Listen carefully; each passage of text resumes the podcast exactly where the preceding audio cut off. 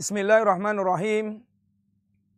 Assalamualaikum warahmatullahi wabarakatuh. Innal hamdalillah wassalatu wassalamu ala Rasulillah wa ala alihi wa ashabihi wa mawalah wala haula wala quwata illa billah amma ba'du. Para pemirsa rahimani rahimakumullah melanjutkan pembahasan kita bab yang ketiga. Ini man haqqaqat tauhida dakhala al-jannah bighairi hisabin. Barang siapa yang dia mewujudkan tauhid, maksudnya mewujudkan tauhid dengan sempurna, adalah orang yang mereka meninggalkan perbuatan yang akan menghancurkan tauhid, itu syirkun akbar.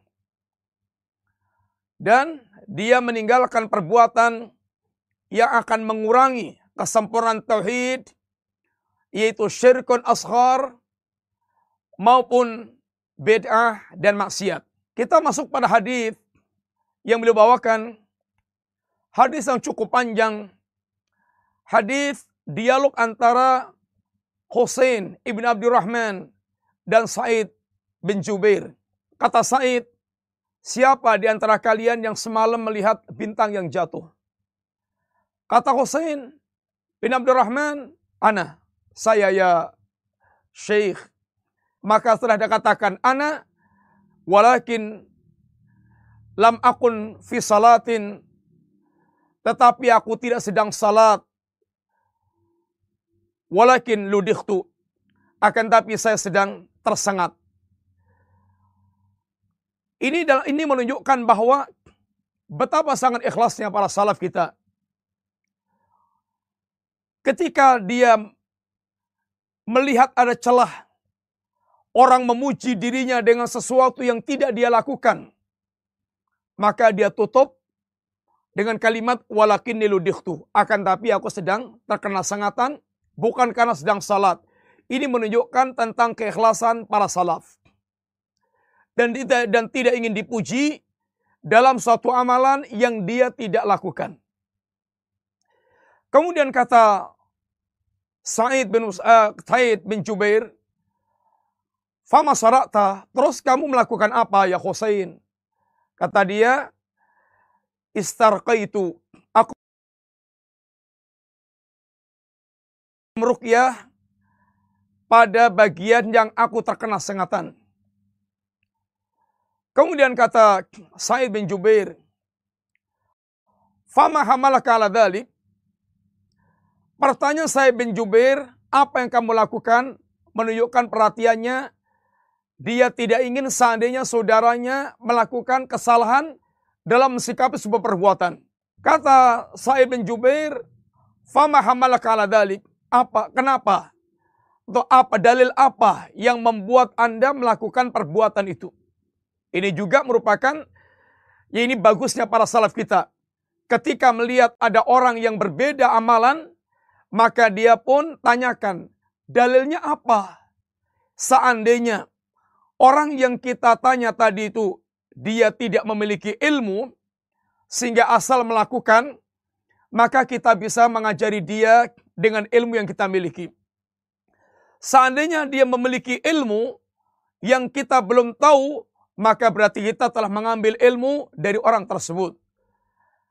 Ketika ditanya apa yang membuat Anda melakukan perbuatan itu atau dalil apa yang Anda jadikan sebagai dasar untuk melakukan perbuatan itu kata dia hadithun hadatsana sya'bi itu hadis yang dikatakan asyabi hadis dari Uburaidah maka Nabi bersabda yaitu hadis yang dibawakannya la ruqyata illa fi ainin au hummatin. Tidak ada ruqyah kecuali dalam penyakit ain atau terkena sengatan. Tentu maksudnya di sini adalah ruqyah lebih mujarab dilakukan untuk penyakit karena ain, penyakit yang timbul karena mata yang dengki atau mata yang takjub. Mata bisa menimbulkan bahaya karena kedengkiannya, karena kebenciannya, atau karena takjubnya. Sehingga bisa menimbulkan pandangan matanya itu sakit atau bahkan sampai pada kematiannya. Wahummatin dan sengatan demam dan karena ini demam panas. Kemudian kata Said bin Jubair, Qad ahsana manintaha masami'ah. Alangkah sangat bagusnya orang yang mereka mengamalkan dalil apa yang dia dengar. Walakin akan tapi kata Said bin Jubair, ini ada hadis lain dari Ibnu Abbas radhiyallahu anhu di mana Nabi bersabda kata Nabi uridat alayya al-umamu ditunjukkan oleh Nabi kepada kami umat-umat terdahulu Ra'aitun nabiyya wa mahu arrohtu. Aku lihat ada nabi, pengikutnya jumlahnya sekitar kurang dari sepuluh. Wan nabiyya wa mahu ar-rajul ar-rajulu wa rajulan. Dan ada nabi, pengikutnya itu hanya satu atau dua. Wan nabiyya walaisa mahu ahadun. Bahkan ada nabi yang pengikutnya itu sama sekali nggak ada. Warufi ali faida nadartu sawadun azimun. Kemudian dinampakkan kepadaku jumlah manusia yang banyak. Fadanantu annahum ummati. Saya sangka mereka adalah umatku. Qilali lalu dikatakan kepadaku Hada Musa wa qaumuhu. Ini Musa dan kaumnya. Fanadhartu faidha li sawadun azimun. Lalu aku pun melihat lagi kelompok yang besar. Bahkan lebih besar. Dan kemudian dikatakan padaku, hadihi ummatuka. Ini umatmu ya Muhammad. Dan dikatakan, wa ma'hum sab'una alfan yadkhuluna al-jannata bighairi khisabin wal adabin bersama dengan 70, bersama dengan umatmu yang banyak itu, ada 70 ribu yang akan masuk surga tanpa hisab, tanpa adab. Setelah itu, Nabi pun kemudian beranjak dan masuk rumah. Para sahabat, mereka pun berdiskusi. Boleh jadi mereka adalah para sahabat yang menemani Nabi. Sebagian mereka mengatakan boleh jadi mereka adalah orang-orang yang lahir dalam Islam sehingga tidak menyekutukan sama sekali, tidak berbuat syirik sama sekali. Dan menyebutkan berbagai macam ungkapan-ungkapan mereka. Saat yang mereka sedang dialog-dialog seperti itu, Nabi pun keluar menemui mereka. Para sahabat menghabarkan semua apa yang mereka ceritakan itu. Lalu Nabi mengatakan siapa yang dimaksudkan dengan 70 ribu ini mereka adalah humul ladina la yastarqun wala yaktawun wala yatatayyarun wa ala rabbim yatawakkalun. Ini meruqyah dibolehkan. Meruqyah orang lain kebaikan. Meminta ruqyah ini makruh. Akan mengurangi kesempurnaan tauhid. Ada unsur meminta. Dan tidak melakukan pengobatan dengan cara kait. Pengobatan besi dengan besi panas tidak melakukan tatayur syirkun asghar. Bisa syirkun asghar, bisa syirkun akbar. Tatayur mengkaitkan nasib sial dengan waktu tertentu, benda tertentu, tempat tertentu, atau kondisi tertentu. Ini adalah akidah jahiliyah.